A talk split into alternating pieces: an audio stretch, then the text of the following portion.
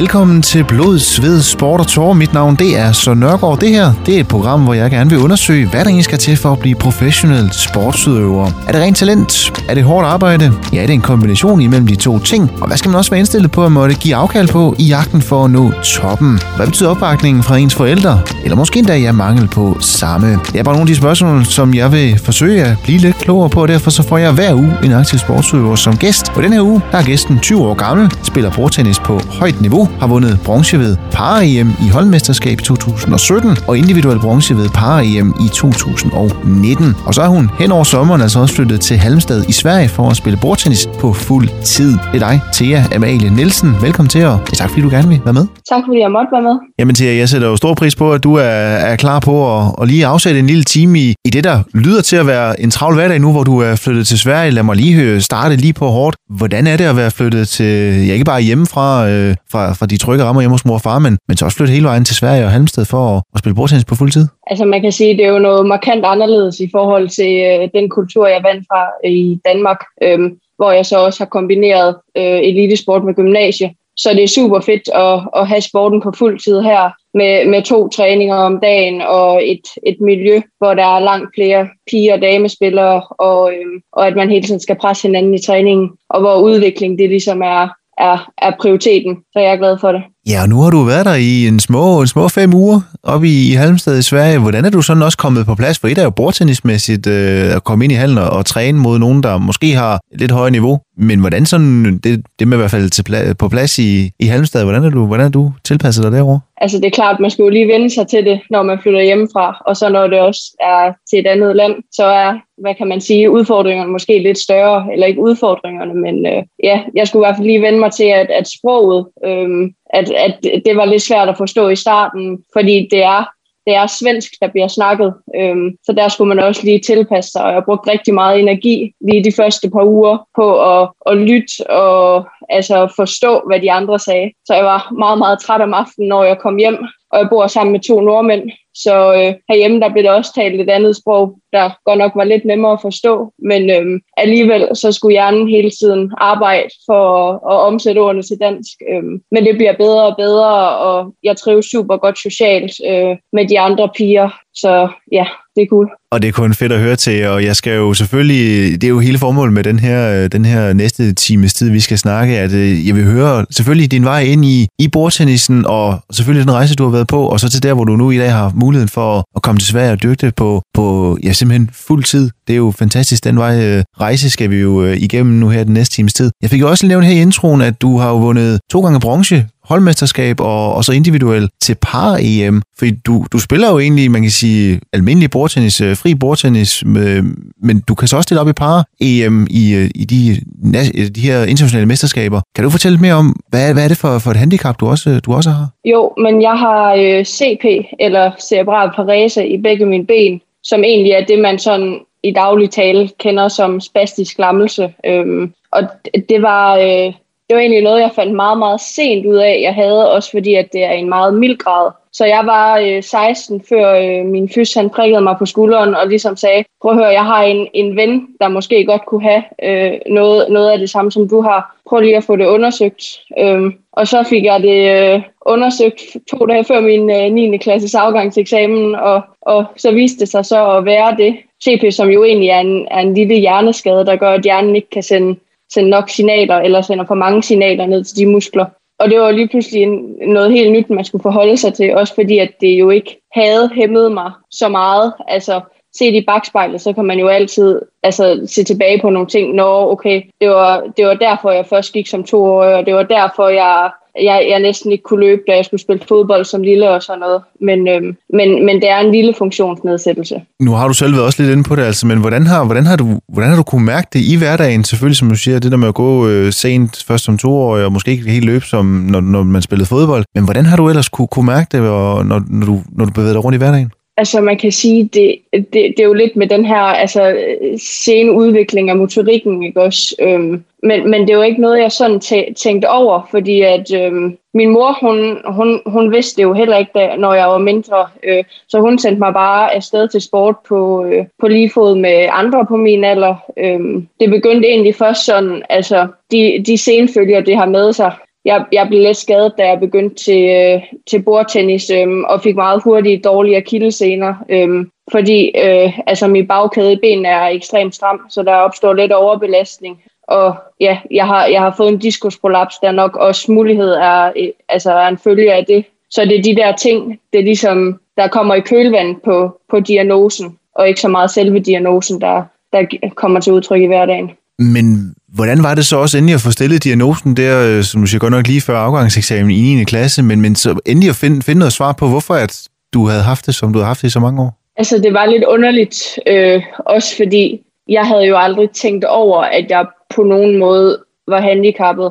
Og jeg, jeg havde jo ikke sådan følt mig hæmmet altså, i hverdagen. Det har kun været sådan lidt et, altså et en, en undring fra trænere og, og også mig selv over, hvorfor der var nogle ting, jeg ikke kunne. Altså at, at strække min ben helt, når vi skulle strække ud, og, øhm, og, og fik ondt, når vi havde løbetest på landshold og sådan noget. Så det var ret rart at få at vide, at der var ligesom en grund til, at, at jeg ikke kunne de ting. At det ikke bare var fordi, at jeg var svag eller, eller doven eller sådan noget. Altså det gør et eller andet sted, at man, som du siger, nu, nu det beroliger lidt en, at som siger, jamen det er ikke fordi, jeg netop er, ja, selvfølgelig er du på den måde anderledes, men, men det er ikke fordi, der, altså der, der er ligesom kommet en, en afklaring på, hvad, hvad var det, der gjorde, at netop du ikke kunne strække benene, og du fik de der måske lidt ekstra smerter og sådan noget. Altså jeg tænker, det må give en ro også fremadrettet nu her. Ja, altså det har det jo helt sikkert gjort.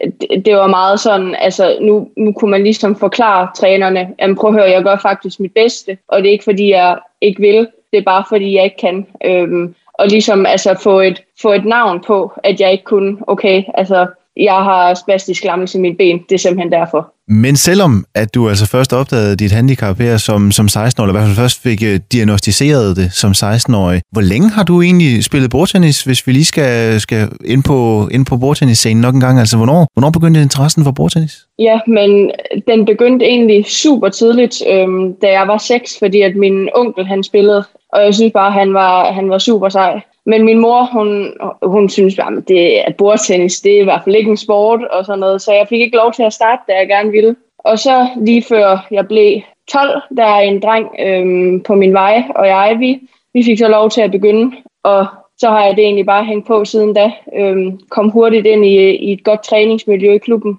og det var en motivation i sig selv, kan man sige. Ja, fordi hvad var det så for et miljø, der, der mødte dig, øh, da du kom ind og, og blev en del af en, af en bordtennisklub? Altså man kan sige, at i starten, der var det jo sådan noget hyggebordtennis, øhm, hvor man ligesom bare kom til træning og legede lidt med bolden. Men jeg, men jeg synes, det var fedt, øh, fordi jeg havde, jeg havde fundet en sport, jeg ligesom var god til. Øhm, så jeg tror også, at det var, det var succesen, der drev mig i starten, fordi at de andre sport, fodbold og håndbold, jeg havde gået til, og svømning, altså som, som jeg sagde før, der har jeg motorisk været lidt bagefter de andre, men, men bordtennis, det havde jeg lidt flere, og måske, altså nu ved jeg ikke, når jeg var så gammel, da jeg startede, om man kan tale om talent, men, men jeg fik i hvert fald hurtigt fat i det, og blev også øhm, hurtigt god, og blev efter jeg havde spillet i fire måneder, trukket op på sådan et, et, et boblehold i Silkeborg, og, og der, var der, der var der rigtig god mulighed for udvikling. Ja, så det lyder faktisk til, at altså, du, har været, du har været rimelig god til bordtennis nærmest med det samme. Øh, hvad, hvad betyder det for dig netop, som du siger, at du, du kom fra de her sportsgrene, hvor du, som siger, der, der var du lidt efter, men, men nu, nu, nu var du måske rimelig god fra, fra begyndelsen af. Hvad betyder det for dig og, og synes som du siger, din udvikling og, og motivationen for at blive ved? Altså man kan sige, at jeg kan ikke sådan lige huske, hvad jeg tænkte dengang, men jeg, øhm, altså det var det der med lige, lige pludselig at have succes med en eller anden sport, hvor man faktisk kunne, altså hvor jeg stod og slog drengene, og jeg kan huske, der var sådan nogle talentstævner, vi spillede, da vi var mindre, hvor, hvor jeg vandt jeg over drengene, så begyndte jeg at græde, og det synes man jo som, øh, eller drengene begyndte at græde, og det synes man jo som pige, det var, det var rigtig sjovt. Også fordi, at så var der noget, ja, jeg tror, der blev tændt sådan en kompetitiv ild i mig, at jeg fandt ud af, at det her med sport, det var faktisk rigtig sjovt, og nu når jeg også var, nu når jeg også var god til det, øh, så var det fedt. Og også, altså, de piger, nu så begyndte man at spille nogle, nogle lidt mere sådan regionale stævner øhm, og jyske mesterskaber og sådan noget. Og de piger, der var startet langt før mig, dem spiste jeg mig længere og længere ind på, og, og kunne se, at udviklingen i starten gik meget hurtigt.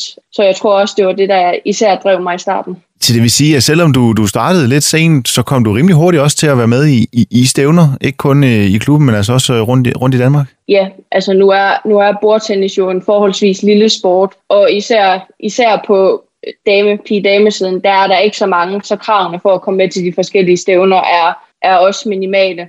Men jeg kom hurtigt bagfra, kan man sige, og så blev ikke helt lige så god som de andre i, i starten i hvert fald, kan man sige og, og så, så gik det ligesom slag i slag derfra. Altså, så, så kom der et, øh, et DM lige pludselig, da jeg havde spillet i øh, et halvt år, øh, eller ikke et halvt år, men måske otte måneder, og altså, jeg var jo helt grøn i sporten, så jeg vidste ingenting. Jeg skulle spille dubbel med en for min klub, og vi vandt nogle kampe og sådan noget. Det var fint. Og så mig og min mor, vi kørte jo bare hjem, og, og og vores øh, sportschef i klubben har ringet sig til os, at nu havde klubben fået en kæmpe bøde, fordi vi havde lige pludselig vundet bronze til DM, og jeg var ikke mødt op på præmieskammelen. Så, øh, så jeg var meget grøn i starten, fordi at det gik så hurtigt, og også lavede nogle, øh, nogle begynderfejl, må man sige. Ja, men det, det er jo kun fedt, og det, det, det, tænker, det er en af de den lidt, lidt sjovere øh, begynderfejl at lave. Ah, jeg mødte ikke lige op på podiet. Det, det, det her, det her jo flere talent for bordtennis, som du åbenlyst havde øh, fra begyndelsen af det, som siger, det er kun fedt, at man, at man finder en sport, som passer ind, men jeg tænker, du må også have haft nogle trænere så Silkeborg, der, har, der også har kunne se det her flere og talent med det samme. Altså, de må også have rimelig hurtigt være med til at guide dig, hvad for en, hvad for en vej du skulle gå.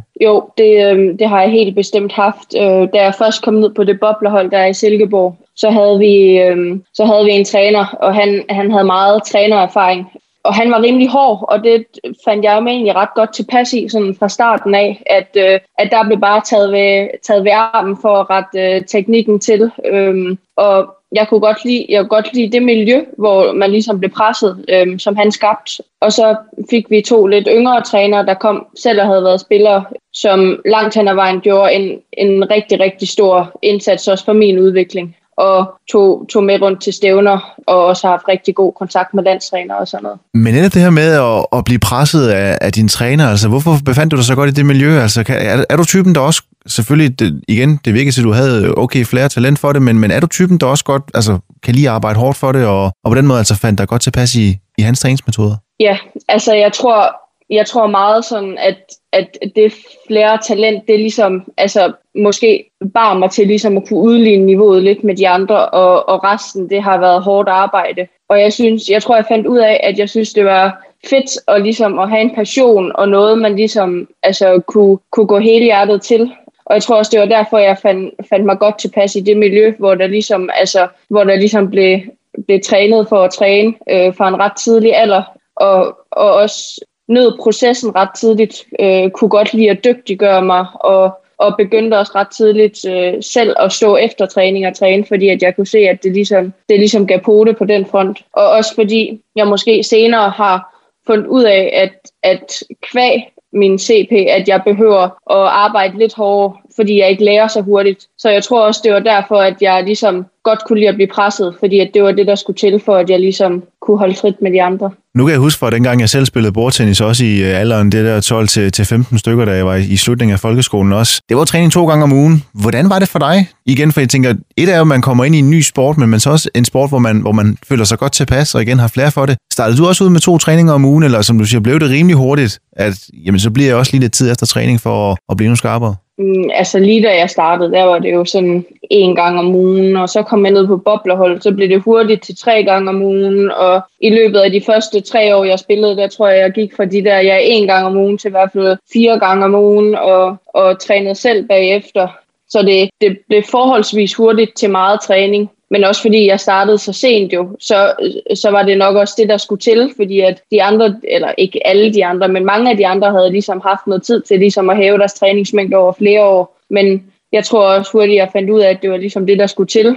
Og det ligger også sådan, det, eller det kom til at ligge meget naturligt for mig at og ligesom investere det i det, det krævede, fordi at jeg synes, det var så fedt at spille. Og netop det her, øh, den her store glæde, den store passion for, for bordtennis, der så også udviklede sig på, på meget kort tid. Hvad sagde dine forældre egentlig til i første omgang, at du, at du, droppede nogle af de andre sportsgrene, du havde dyrket, for så at kaste over bordtennis, og der så også blev brugt så meget tid på det? Man kan sige, at øhm, før, jeg, før jeg spillede bordtennis, der øh, min mor, hun har altid reddet. Øhm, hun fik kastet mig op på en, en, en pony, øh, og så havde jeg ellers halvfart på en pony i fire år. Så jeg tror, hun var lidt ærgerligt over, at, at, at ridningen øh, blev droppet øh, til fordel for en sport med bat og bold, som hun i forvejen måske ikke helt i begyndelsen synes, at, øh, at, at var, hvad kan man sige, var så sportagtig, var lidt mere spillende sport. Men, øhm, men jeg tror hurtigt, at min mor også fandt ud af, at i klubben, der var der faktisk en god forældregruppe. Vi var en rimelig stor årgang der fra 2001, øhm, som begyndte på det der boblehold så der kom en rigtig god forældregruppe i vores øh, klub. Øhm, så jeg tror også, min, min mor hun nød rigtig meget og, altså, at være i den forældregruppe, og vi havde mandagsspisninger, og alle sammen forældre og spillere hver mandag og sådan noget i klubben. Så jeg tror også, det sådan lidt blev en gevinst der, at det var et godt også forældremiljø, der var. Og det betød vel også meget for dig, at din mor hun var så aktiv i, i, i både klubben, men selvfølgelig også det der med at køre dig ud til stævner? Ja, ja, helt vildt. Altså, hun har jo... Øh, jeg bor alene sammen med min mor, eller har altid gjort det, øh, og min hund. Og, øh, og man kan sige, når hun også har haft mig alene, så har det jo selvfølgelig også krævet meget af hende at skulle afsted hver weekend til stævner rundt i landet og sådan noget. Så det har jo betydet helt vildt meget for mig, at hun også på den måde har givet afkald på, på nogle af hendes interesser og, og hvad kan man sige, øh, ting, som hun måske også gerne ville, men tog med mig i stedet. Øhm, så det er klart, det har betydet helt vildt meget, og også betydet, at, at når hun var klar til at give afkald på det, jamen så gjorde det det også muligt for mig, at jeg kunne komme ud og spille det, der var nødvendigt, og det jeg gerne ville. Så på den måde har Mors Transport også en stor del af, af biden af ens udvikling. Men det er selvfølgelig, at du, øh, du nåede at spille bordtennis og stadigvæk nyder det den dag i dag, og der blev lagt flere og flere timer i det, men jeg tænker også, der har været en, en balance i forhold til både skolen, men også det sociale miljø. Det er noget, det vi snakker videre om lige efter et kort stykke musik. I need you, boo. I gotta see you, boo. And the hearts all over the world tonight. Say the hearts all over the world tonight. I need you, boo. Oh. Gotta see you, boo. Hey. And the hearts all over the world tonight. Say the hearts all over the world tonight. Hey, little mama, ooh, you're a stunner. Hot little figure, yes, you a winner, and I'm so glad to be yours. You're a class all your own, and ooh, little cutie, when you talk to me, I swear the whole world stops. You're my sweetheart, and I'm so glad that you're mine.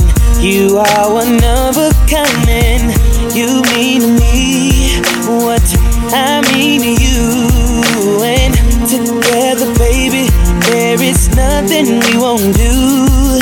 Cause if I got you, I don't need money, I don't need cars, girl, you're my own.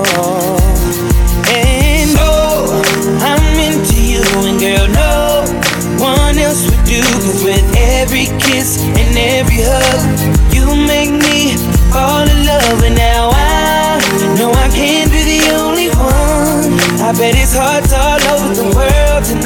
with the love of their life who feel what I feel when I'm with you, with you, with you, with you, with you, girl.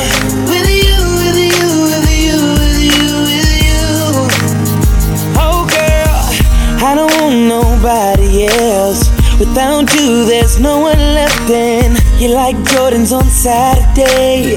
I gotta have you and I cannot wait now. Hey, little shorty, say you care for me. You know I care for you. You know that I'll be true. You know that I won't lie. You know that I will try to be your everything. Yeah. Cause if I got you, I don't need money. I don't need cars. Girl, you're my all. Yeah. Girl, no one else would do. Cause with every hug.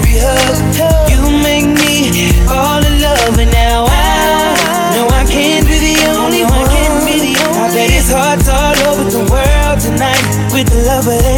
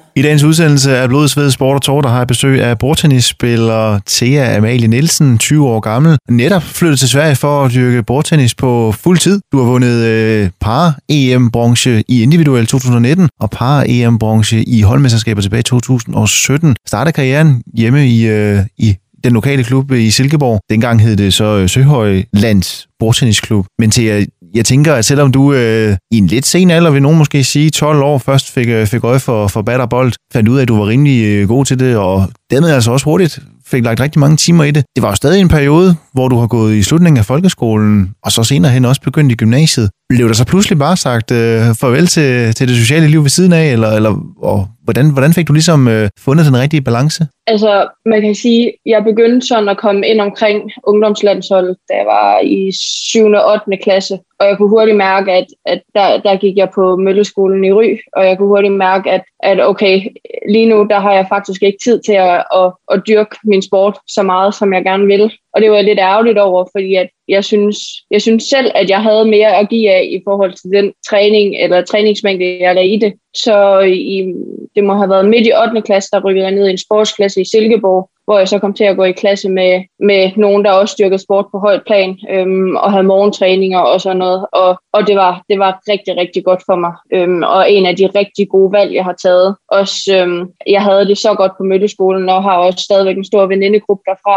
Men, øhm, og de var super forstående over det. Men det var selvfølgelig også lidt et hårdt spring at tage, når man havde det så godt et sted. Så det var ligesom et, et ikke et ultimatum, øh, og så lidt alligevel, fordi jeg vidste, at jeg skulle gøre en ekstra indsats, hvis, øh, hvis jeg skulle være bordtennis til noget. Men hvorfor var det så så godt for dig netop at komme i den her sportsklasse? Var det, var det fordi, så vidste du, der både var tid til træning og, og studiebøger, og så samtidig måske også den der forståelse fra de andre i, i klassen om, at jamen, jamen det, er, det er sporten, der ligesom stadigvæk har, man kan sige, første prioritet? Ja, altså man kan sige, det, det, var, jo, det, det var jo nok det, at, øhm, at jeg skulle have tid til både træning øh, og skole, men også forståelsen for, at okay, så er du lige pludselig væk, og så skal du lige pludselig øh, til træning med i skoletiden, og, og også det, at jeg, der der var to dage om ugen, da jeg gik i skole i Ry. Jeg behøvede at gå tidligere, og det fungerede ikke super godt. Øhm, så det var dejligt at komme til et miljø, hvor folk ligesom havde forståelse for, at, at man ikke lige var der, eller måske havde andre prioriteter, end at, end at være sammen med veninderne øh, lige efter skole.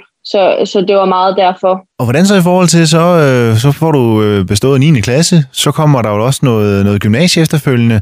Hvilke overvejelser gjorde du dig i den forbindelse? Var det, var det noget Team Danmark, du tænkte, altså skal man forlænge gymnasietiden, eller, eller hvordan, øh, hvilke overvejelser gjorde du der? Ja, men altså, jeg, øh, man kan sige, det var sådan, det var lidt svært for mig at vælge gymnasiet, øh, fordi at jeg, jeg, jeg vil rigtig gerne have gået på, øh, jeg endte med at gå på handelsskolen, jeg ville rigtig gerne have gået på det almindelige gymnasium, men, øh, men jeg valgte simpelthen derfor øh, altså, jeg valgte for ligesom at have de bedste muligheder øh, for at dyrke min sport, og det var altså på handelsgymnasiet. Så det var måske, det var måske lidt en sluger i starten, og så valgte jeg den på fire år, fordi jeg, jeg ligesom følte, at, at jeg ville gå all in. Samtidig med, at jeg lige der årgang mellem 9. klasse og gymnasiet, så faktisk kommer ind omkring parabordtennis, og også godt måske lidt kan fornemme, jamen altså, nu er der lige pludselig to landshold, jeg skal forholde mig til, og, og det kommer så også til at kræve dobbelt så meget fravær, så jeg valgte at have gymnasiet over, over fire år, og det er jeg rigtig glad for, at jeg gjorde, fordi også det der med, hvis man har ambition skolemæssigt,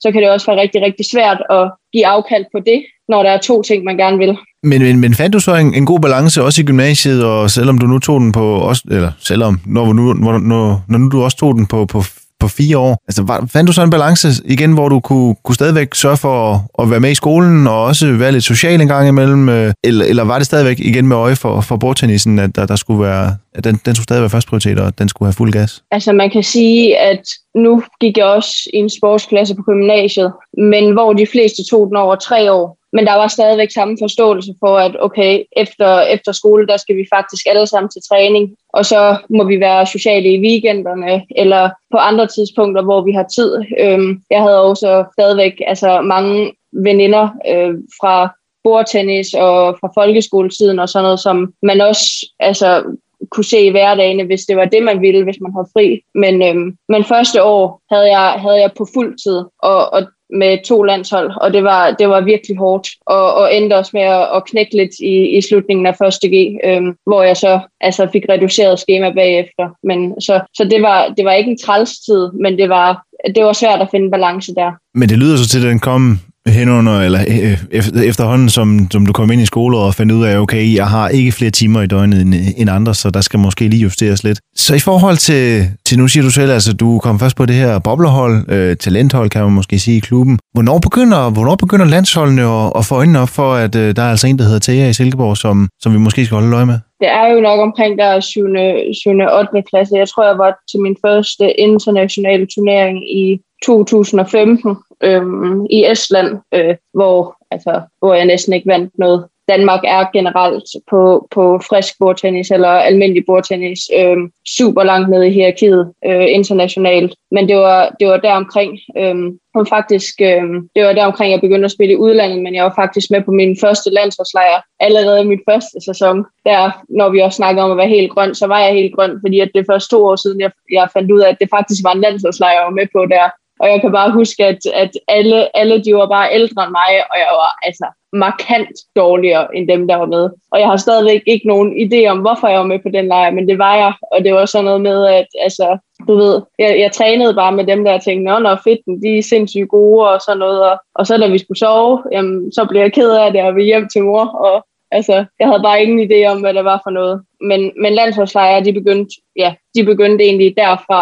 Øhm, og så, du ved, frem, øh, frem til, at jeg ikke var ungdomsspiller mere her for et, et, et lille år siden. Men selvom at du så måske ikke lige helt havde registreret den første landsholdssamling, at det egentlig var en landsholdssamling, hvad betød det så alligevel for dig, det der med at, at, at så hurtigt komme ind omkring landshold også? Altså, fordi igen, det, det, det er jo gået rimelig stærkt, fra du begyndte til, du så egentlig er, er kommet ud og kunne deltage, deltage også i internationale stævner og landsholdssamlinger. Altså, man kan sige, at i starten, der tænkte jeg ikke sådan så meget over, at det var landshold, også fordi at i Danmark, der er man ligesom de piger, der er.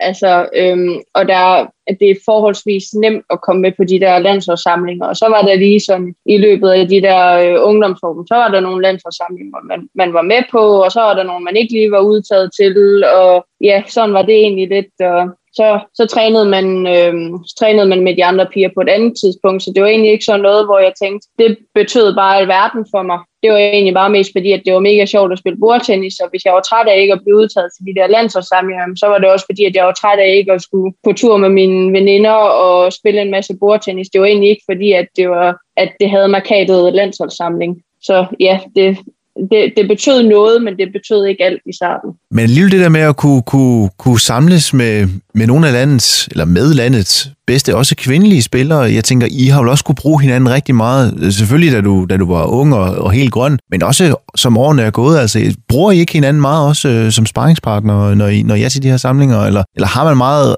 øjnene rettet, rettet mod sig selv? Altså, man kan sige, at selvfølgelig bruger vi hinanden som, som sparringspartner, når vi er på de her samlinger. Men det er en, en, en single sportsgren. Altså, det er det. Øh, en total egoist sportsgren, hvor man har ens egen udvikling for øje. Og nogle gange øh, har jeg også tænkt på her, efter jeg er blevet ældre, at jeg godt kunne ønske, at vi har været bedre til at bruge hinanden, og ligesom altså, løfte i flok, i stedet for at, at gå og putte lidt med vores egen udvikling, og, og ja, sådan noget, fordi det synes jeg i forhold til, hvad jeg har mødt i andre træningskulturer, øhm, både her i Sverige, men også hvis jeg har været på træningslejre i andre lande, så er man meget, meget bedre til at spare med hinanden, og man, man er bare meget bedre til ligesom at lægge svisken på disken over for hinanden og sige, prøv at høre, jeg har faktisk behov for, at du gør det og det og det i træningen, eller at er, er, du sød og, er du sød lige at forsøge det, eller du kan også gøre det for at ramme bordet. Øh, og i Danmark, der spiller man ligesom bare og lader den, lad den anden lave fejl, eller selv få lov til at stå og lave en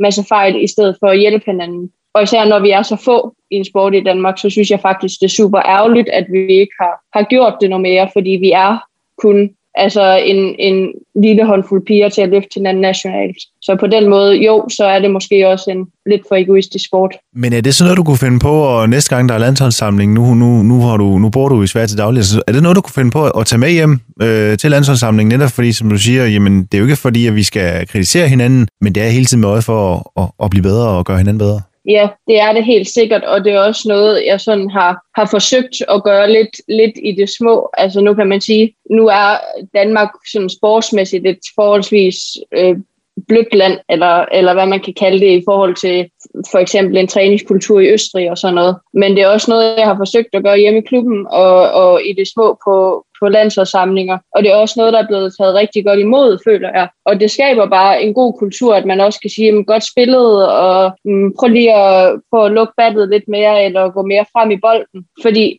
det skaber bare en meget bedre synergieffekt, og man ligesom også forsøger at hjælpe hinanden sådan der ikke står en til træning og sur og brisser, og man, det, det smitter lidt de andre og sådan noget. Så jeg tror, det, øh, altså, jeg tror, det er blevet taget rimelig positivt imod. Det er i hvert fald min fornemmelse. Jamen, det er kun fedt, at man også øh, på den måde kan være ærlig over for hinanden, og igen hele tiden med, med øjne for at, at, at optimere, og, og på den måde altså også blive bedre individuelt, og også som, som hold og som landshold. Men et er jo at, at komme op og være i landsholdssamling med, med de bedste danske spillere. Det der med også at komme ud og, og blive matchet internationalt. Du siger selv, at Danmark er, er måske lidt efter internationalt, men stadigvæk det at komme ud og, og finde ud af, hvor stor er afstanden egentlig til, til de andre kvindelige øh, øh, bordtennisspillere ude i verden. Hvordan var det det er tilbage øh, for efterhånden et par år siden, da du prøvede det første gang? Altså i starten, der var det sådan meget overvældende, fordi man havde jo ligesom ikke nogen idé om, hvad, altså, hvad man ligesom gik ind til.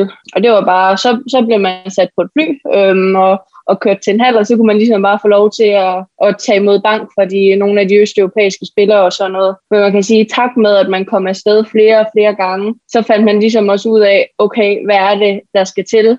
Hvad er, det, hvad er det, jeg skal være bedre til? Hvor har jeg mine altså, styrker i forhold til nogle af de internationale spillere? Og det er klart, jo mere man, man spiller mod spillere fra andre lande, des, altså, desto mere erfar, erfaring får man øhm, og kan tilpasse sig derefter. Så i starten, der var, det, der, der, var der ingen kære mor, men, øhm, men det endte også med, at jeg i ungdomsårene vandt, vandt en bronzemedalje til de nordeuropæiske mesterskaber, så altså, på den måde fik jeg lidt rejst mig fra de første nederlag, kan man sige. Ja, fordi jeg tænker også, det må jo netop give mere blod på tanden, at man kan se, okay, første gang der fik jeg bank, næste gang der kom jeg lidt tættere på, og hele tiden tættere på, og til sidst, ja, så står du med en bronzemedalje. Altså. Det må være også en stor motivationsfaktor hele tiden at se, at man, man kommer tættere på, på, på et tidspunkt også kommer, kommer op på siden og, og forbi dem. Altså det kan man nu, nu var det bare en bronzemedalje til de nordeuropæiske mesterskaber, hvor i Nordeuropa, der, altså, der er man blandt de dårligste lande. Der kom til mit første U18 EM, som, hvad var jeg, 15 eller 16, øh, og man møder nogle af de store bordtennisnationer. Øh, nogle af dem, der, der har tradition for bordtennis og, og har en del flere spillere at tage af, altså, så er der stadigvæk ingen kære mor. Og, og det kommer der heller aldrig til at være, når man er spiller fra Danmark. Øh, medmindre man er udstyret med et usædvanligt talent, som, som der desværre er, er meget få, der er eller jeg, jeg har i hvert fald ikke været det. Så hvis man møder Frankrig eller sådan en, en stor nation, så, altså, så er det bare sådan, det er. Så kan man ikke gøre så meget. Men så var der jo noget, der også, i og med at du fik stillet din diagnose for dit, øh, dit handicap, så var der pludselig også noget, der hed, hed E, par, par øh, landsholdet, og dermed altså også par EM, VM og så videre, som man kan deltage i. Den del, den tager vi fat i lige efter et stykke musik.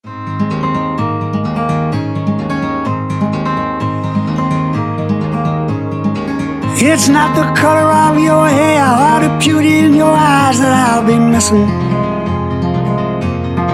Or the sunshine in your smile or those ruby red lips I've been kissing. Now your family don't like me. This I understand. I don't wanna settle down. I'm just a rambling man. I'd rather be out rocking with my good old country band. Yes, I would. But listen, baby.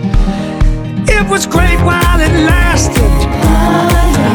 And together we smashed it.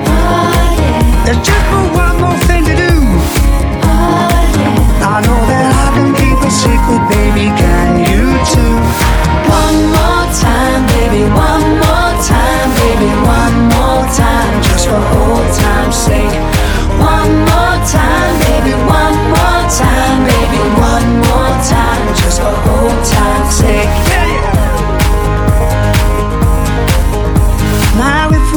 separate and find somebody new, it's hard to imagine somebody else with you.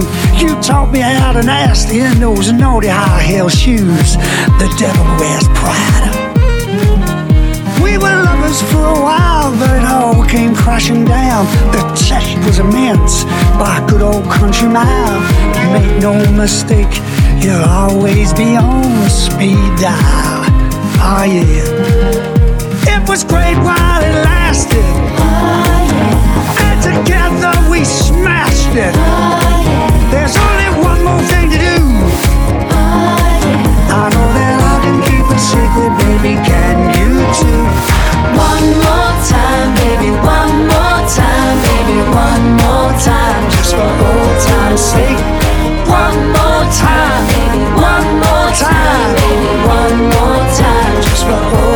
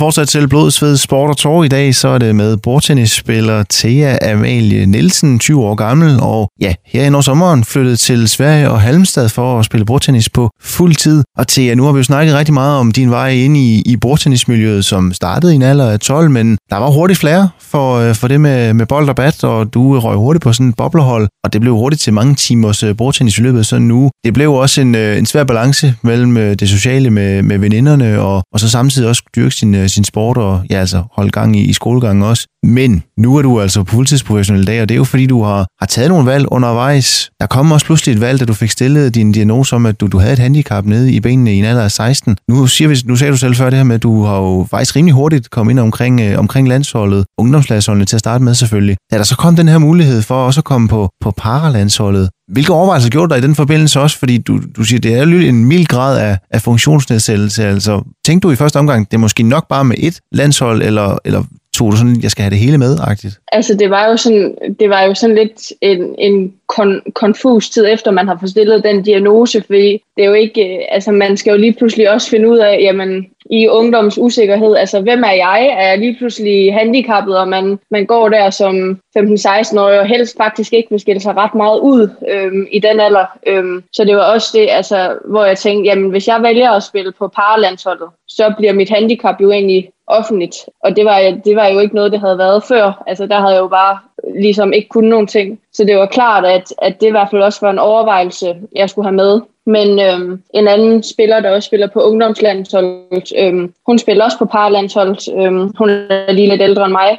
Og jeg tænkte ligesom, mm, har jeg hende at støtte mig op af, øhm, så skal det hele nok gå. Så ja, to måneder efter jeg ligesom havde fået den diagnose, så blev jeg spurgt, om jeg ikke ville prøve at klassificeres ind, øh, og det takkede jeg så ja til, og blev klassificeret ind til øh, EM i 2017, hvor jeg altså dagen inden ikke vidste, om jeg overhovedet kunne spille, hvis jeg ikke blev klassificeret ind, og blev klassificeret ind i klasse 10, som er den klasse med mindst handicap, og ja, så spillede vi egentlig bare spillet holdturnering, og det var så en bronzemedalje med sig, og lige pludselig var man med i kampen om en, en PL-plads. Så det, det hele det gik rigtig, rigtig hurtigt på den front. Men det her med, at du, du allerede kendte en, der i forvejen var med omkring ungdomslandsholdet, men også var på, på PL eller paralandsholdet.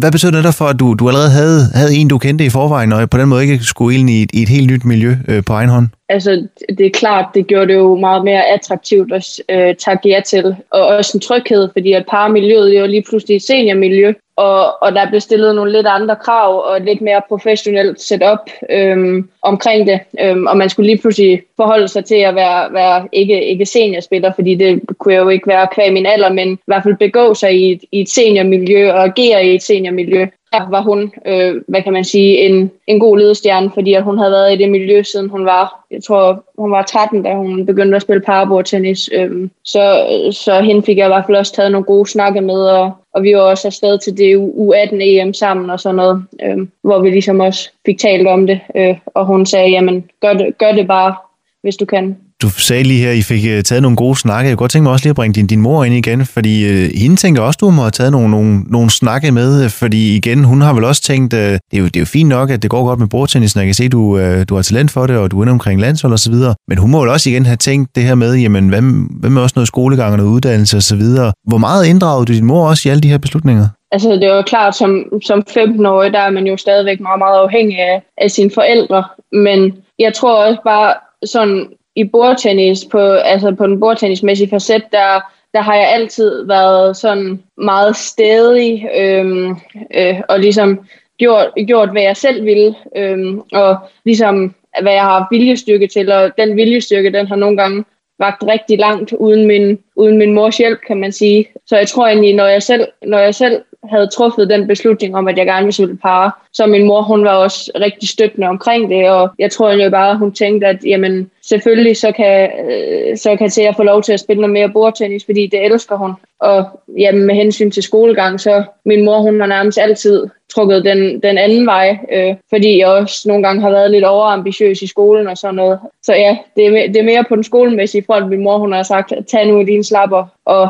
og, og gør det, du gerne vil. Det er dejligt at høre, der har været opbakning hjemmefra til, øh, og det er jo så gået rigtig godt med bordtennisen, både på, på paralandsholdet og ungdomslandsholdet, landsholdet og, og også hjemme i, i klubben, da du var i Silkeborg. Så kom der den her mulighed for at her denne sommer at tage til, tage til Sverige og Halmstad. Kan du fortælle mig lidt mere om det her skifte, du har været igennem hen over sommeren? Hvordan, øh, hvordan kom det i stand? Jamen, det var egentlig fordi, at jeg tænkte efter gymnasiet, at, at jeg havde simpelthen brug for at finde et miljø, jeg kunne udvikle mig i, fordi at øhm, bordtennis i Danmark, det er ikke et sted, du kan, du kan blive som pige, og samtidig have, have store ambitioner på, øh, altså for din sport. Øhm, så det var, det var et nødvendigt skifte, kan man sige, men det var også noget, jeg gjorde, fordi at jeg super gerne ville det. Jeg har, jeg har trænet i, i klubben nogle gange øhm, heroppe, øhm, og kender en del af, af de svenske piger og de norske piger, så det var også meget naturligt for mig, at det skulle være her. Også fordi, at det, altså, miljømæssigt, så er Sverige tæt på Danmark og kulturmæssigt, så det er jo heller ikke sådan, altså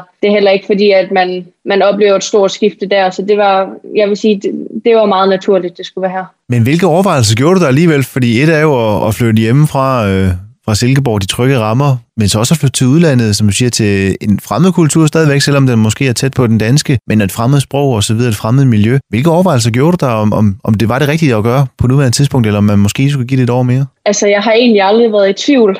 Jeg, jeg har det øhm, utrolig godt, eller jeg har i hvert fald ikke svært ved at begå mig i altså, nye steder og med nye mennesker. Heldigvis øhm, har rigtig nemt ved at lære, så det, heller, det har heller ikke været noget problem for mig at, at forstå svensk og lære mere dag for dag. Heldigvis, kan man så sige. Øhm, så ja, altså, det, det har jeg aldrig været i tvivl om. Men lad mig så spørge ind til miljøet, der så øh, har mødt dig op i, i Halmstad. Hvordan er det nu at være, at være fuldtids professionel bordtennisspiller? Øh, hvad, hvad giver det af muligheder, og, og hvor meget træner du kontra det, du gjorde øh, hjemme i, i Silkeborg? man kan sige, at, at miljøet der er jo markant anderledes her. Der kan vi øh, til, altså, vi har en stor pigetræning om ugen, nærmest hver 20 piger til træning. I Danmark, der skal vi være heldige, hvis vi var to piger til træning. Og det er bare noget anderledes at spille med piger. Spillet er markant anderledes end, end herrespillernes. Øhm, og jeg nyder rigtig meget at, at gøre det på fuld tid. Altså, nu når jeg kigger tilbage på, hvilken hverdag jeg har haft af gymnasiet, hvor det bare har været altså, fra 7 til øh, 21 om aftenen, så forstår jeg slet ikke, hvordan jeg næsten kunne altså, overleve det. Fordi ens dag, den var bare planlagt altså, på sekundet, og, og det kunne knække mig helt, hvis, øh, hvis min tidsplan øh, skred. Og den der stress, man ligesom havde i hverdagene, altså jeg kan bare mærke, den, at den er, den er helt væk nu. Og, og det er lidt sjovt, fordi at jeg kan mærke det så meget på min restitution. Altså jeg har ikke været træt en eneste gang, jeg har taget til træning heroppe. Lidt i starten måske, men altså her nu, hvor jeg er kommet ind i rytmen, så, øhm, så er det rigtig fedt. Ja, fordi hvordan ser din hverdag ud nu øh, i dag? Jeg ved, du har trænet selvfølgelig, inden vi, inden vi lavede det her interview, men, men har du sådan flere træninger om dagen, eller, eller hvordan, hvordan, hvordan ser sådan en, en træningsuge ud for, for dig nu her, hvor du er fuldtidsprofessionel? Ja, men det er lidt, det er lidt forskellige træningstider, men det er typisk, øh, typisk to træninger om dagen, og så øh, en halv time styrke bagefter. Og så har vi øhm, så har vi halvanden fridag, som er halv lørdag og så søndag. Øhm, så det, altså, det er meget sådan, øh, det går lidt slag i slag. Og så læser jeg nogle, øh, nogle naturfaglige fag op på øh, fjernstudie i pauserne. og det synes jeg, det er rigtig, rigtig, rigtig dejligt at have noget, ligesom at give sig til, fordi jeg føler også, at jeg sådan har brug for at blive stimuleret lidt fagligt, fordi jeg kan rigtig godt lide at gå i skole, øhm, og jeg vidste også, at det var noget af det, jeg ville komme til at savne, hvis jeg skulle gøre det fuldtid. Men man kan sige, at der, der er stadigvæk travlt, men man har også tid til det der med lige, øhm, lige at møde op lidt tidligere til træning og stå og lege, lege lidt med bolden. Øhm, og det er noget af det, jeg føler, jeg har manglet, da jeg gik på gymnasiet, fordi der var det bare komprimeret, og der havde man ikke tid til lige at spille lidt hyggebold før træning. Nej, nu er det så dejligt at høre, nu kan du så, som du siger, læse nogle, nogle fag op øh, i, i et tempo, der stadigvæk passer dig og den hverdag, du har nogle dage op i Sverige. Men også samtidig giver dig mulighed for netop at måske lige møde op lidt før og træne. Men, men er der også nogle træninger, hvor du øh, altså kan arbejde lidt mere målrettet med enten din, din sav, om der skal lidt skrue på den, eller din, din, din smash, eller er det en del af den daglige træning i forvejen? Altså man kan sige, at, at det er mere sparringspartnerne, der har ændret sig. Øhm, og altså, at træningen den, at den er lige så individuel, som den er i Danmark. Øhm, men, men forskellen her er, at bolden kommer mange, mange flere gange på pladen. Øhm, og der bliver trænet rigtig meget sikkerhed heroppe. Altså, man starter hver, øve, hver træning med, med to sikkerhedsøvelser, hvor bolden bare skal gå over, gå over, gå over i 10 minutter og det gør man ikke på samme måde i Danmark. Og det er meget klassisk for pivot tennis, at bolden, bolden skal mange gange på pladen. Øhm, så det er helt sikkert noget af det, jeg har manglet. Og også bare det der med, som du siger, nu er der, nu er der tid til at stå og, og savtræne 30 minutter efter, efter træning. Så det, det nyder jeg. Og du fik også nævnt, selvfølgelig er der bordtennisdelen, der er restitutionen, der er jo også noget kost, som jeg tænker, at øh, der også er lidt mere fokus på nu øh, måske. Men, men, men også, som du siger, styrketræningen. Hvor meget styrketræner du i dag, og, og, og hvornår begyndte du egentlig det at, at, at få styrketræningsdelen på også? Altså, jeg, man kan sige, at jeg begyndte, dengang jeg flyttede til Silkeborg, altså ned i en, en sportsklasse i folkeskolen og begyndte at styrketræne. Det er ikke noget, jeg havde, jeg havde gjort så meget i før, men, men nu, der begynder, nu der betyder styrketræning rigtig, rigtig meget for mig, fordi jeg har ligesom brug for en eller anden måde at kunne aktivere de muskler, der er øh, CPI, øhm, og mine ben har det meget bedre, når jeg styrketræner. Så jeg styrketræner tre gange om ugen cirka, hvor det ligesom er hele kroppen, der er fokus på. Ligesom at få noget grundstyrke. Bordtennis er jo ikke en sport, hvor man behøver at være stærk, men man behøver noget eksplosivitet. Så til det lyder jo til, at det går faktisk øh, helt efter planen. Det går fantastisk op i Sverige, og din rejse hertil øh, har jo også set øh, helt fantastisk ud. Det er kun gået en vej, og det, det er fremad. Men må det ikke også, der har været nogle, nogle nedture undervejs, nogle skader til noget af det, vi snakker om lige efter et kort stykke musik.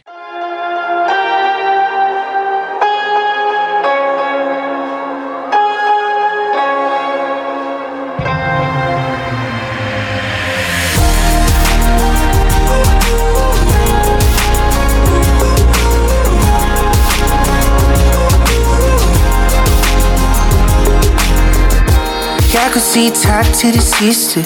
Sender mistet til en, den er visnet. Sjæl ikke noget, jeg har mistet. Vi kan ses, det jeg finder om Nogen må have givet mig en chance til Og vise mig, at glæde ikke kan pakkes ind. Vi har været det meste igennem sammen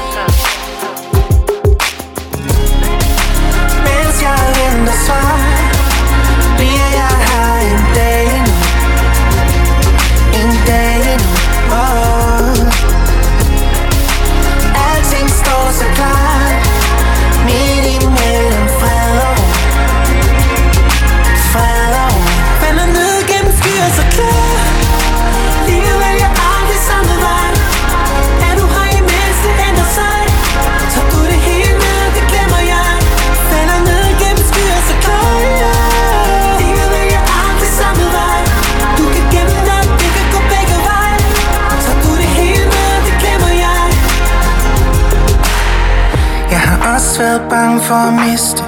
Tog det sure med det søde det triste. Glem gnisten og tabt alt lysten. Det kan selv ske for den bedste. Mens jeg venter svar Bliver jeg her en dag endnu. En dag endnu. Oh. Alting står så klart.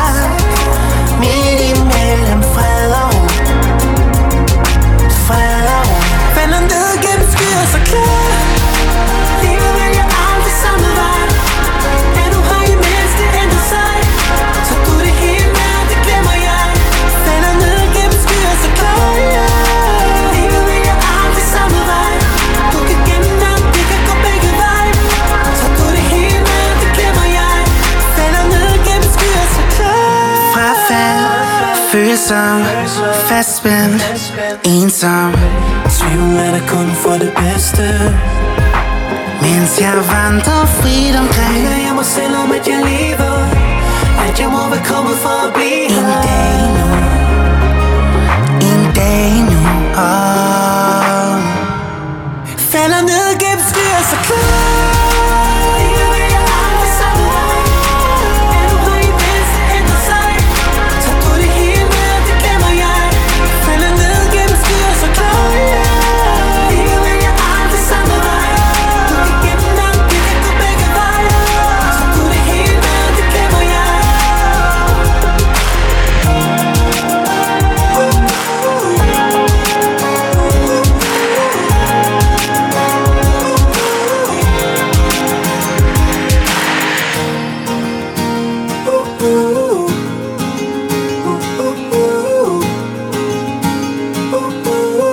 du lytter altså fortsat til Blodsved Sport og Tor. Mit navn det er Søren Nørgaard. I dagens udsendelse så har jeg besøg af Thea Amalie Nielsen, professionel bordtennisspiller i Halmstad i Sverige, 20 år gammel. Og Thea, vi har snakket om, ja faktisk nærmest det hele, din øh, vej ind i, øh, i bordtennismiljøet i en alder af 12. Balancen der er, når man øh, også har, har skolegang ved siden af, man har øh, det sociale fællesskab med venner og veninder, man har også familien, der, der selvfølgelig skal passes, men man vil også gerne dyrke sin sport øh, på, på, på, på rigtig mange timer på den nærmest fuldtid. Fuldtid, som du kan gøre i dag, fordi du er flyttet til Sverige hen over sommeren og, og Halmstad. Det giver nogle andre muligheder for din træning, restitution osv.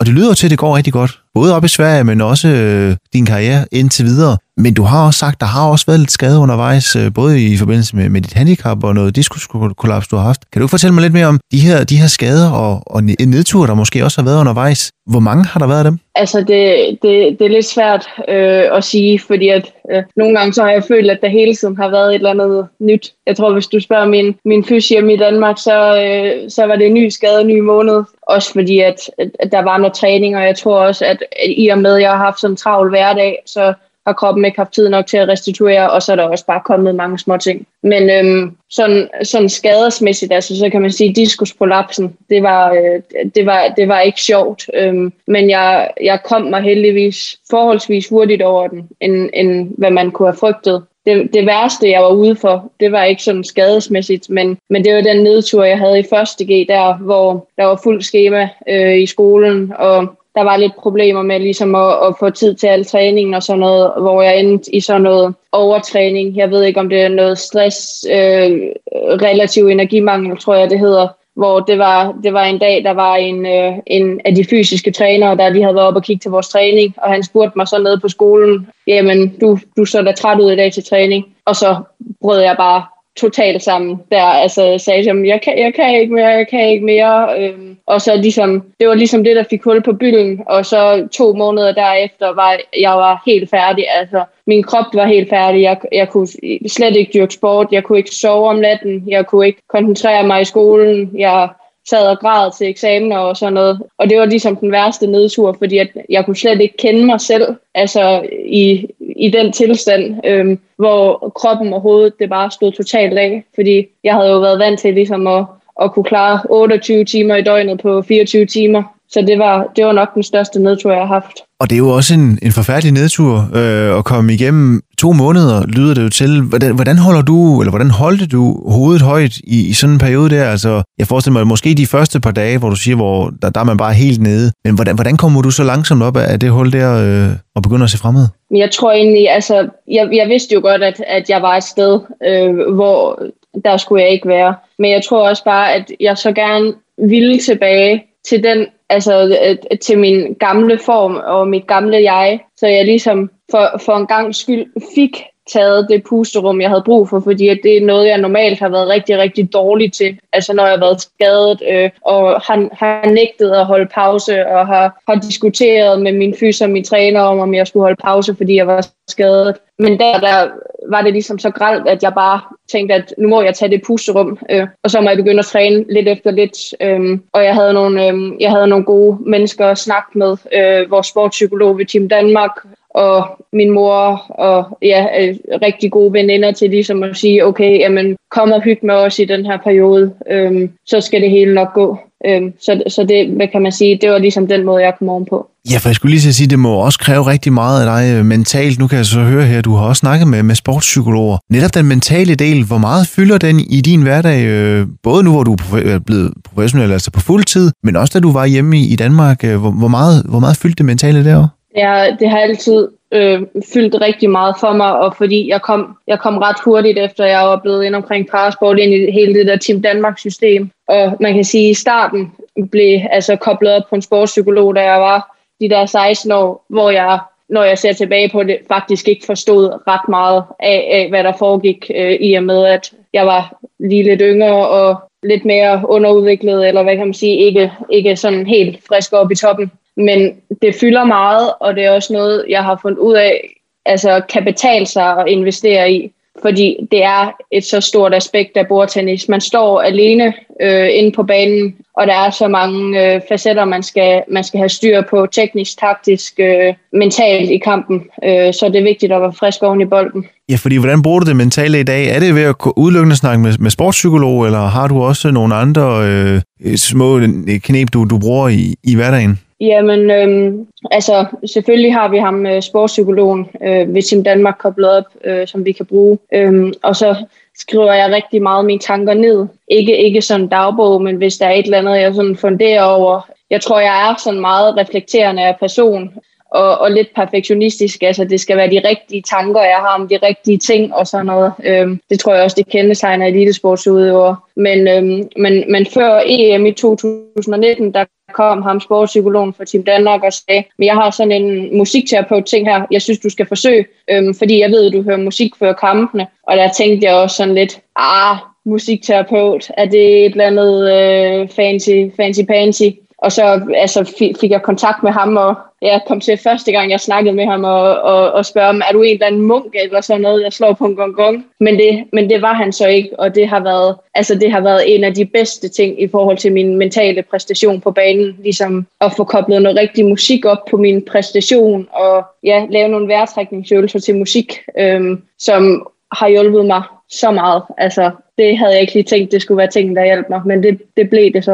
Og det er jo fantastisk at høre til, at øh, det hele bare altså spiller, og der, øh, at der er alle overvejelser er gjort i forhold til det mentale, det taktiske, det tekniske osv. i, i hverdagen restitution og, og det hele. Jeg kan godt høre, at øh, vi kunne have snakket måske en time mere, men, men den, den her time, den nærmer sig altså, øh, og det vil jeg også sige, vi, vi nærmer os altså også afslutningen på, på dagens program. Her til sidst til jer, så vil jeg så bare gerne lige have med, øh, hvis du nu skulle give et råd videre til, til unge danskere, som øh, lige er begyndt at spille bordtennis, og måske har dig som et forbillede og tænker, jeg vil gerne være ligesom Thea. Hvad er det bedste råd, du kan give videre til, til unge bare øh, bordtennisspillere? altså hvis vi sådan snakker unge sådan lidt i, i præ-elite, så er det måske, at man skal, man skal tro på sig selv, selvom det lyder som en gigantisk kliché. Og man skal, man skal turde være ærlig omkring sine mål og drømme, øh, og sin viljestyrke over for folk, fordi at altså, man må gerne drømme stort øh, og sige det højt, selvom det måske er lidt udansk at gøre. Øhm, I hvert fald ikke sådan offentligt i Danmark. Øhm, men i elitesport, der er det jo bare store ambitioner, der skal til, Øhm, og det er slet ikke forbudt. Øhm, men hvis man ligesom går og gemmer på det sådan over for andre, kan man sige, så er der heller ikke nogen, der ved, hvordan de skulle skal hjælpe en.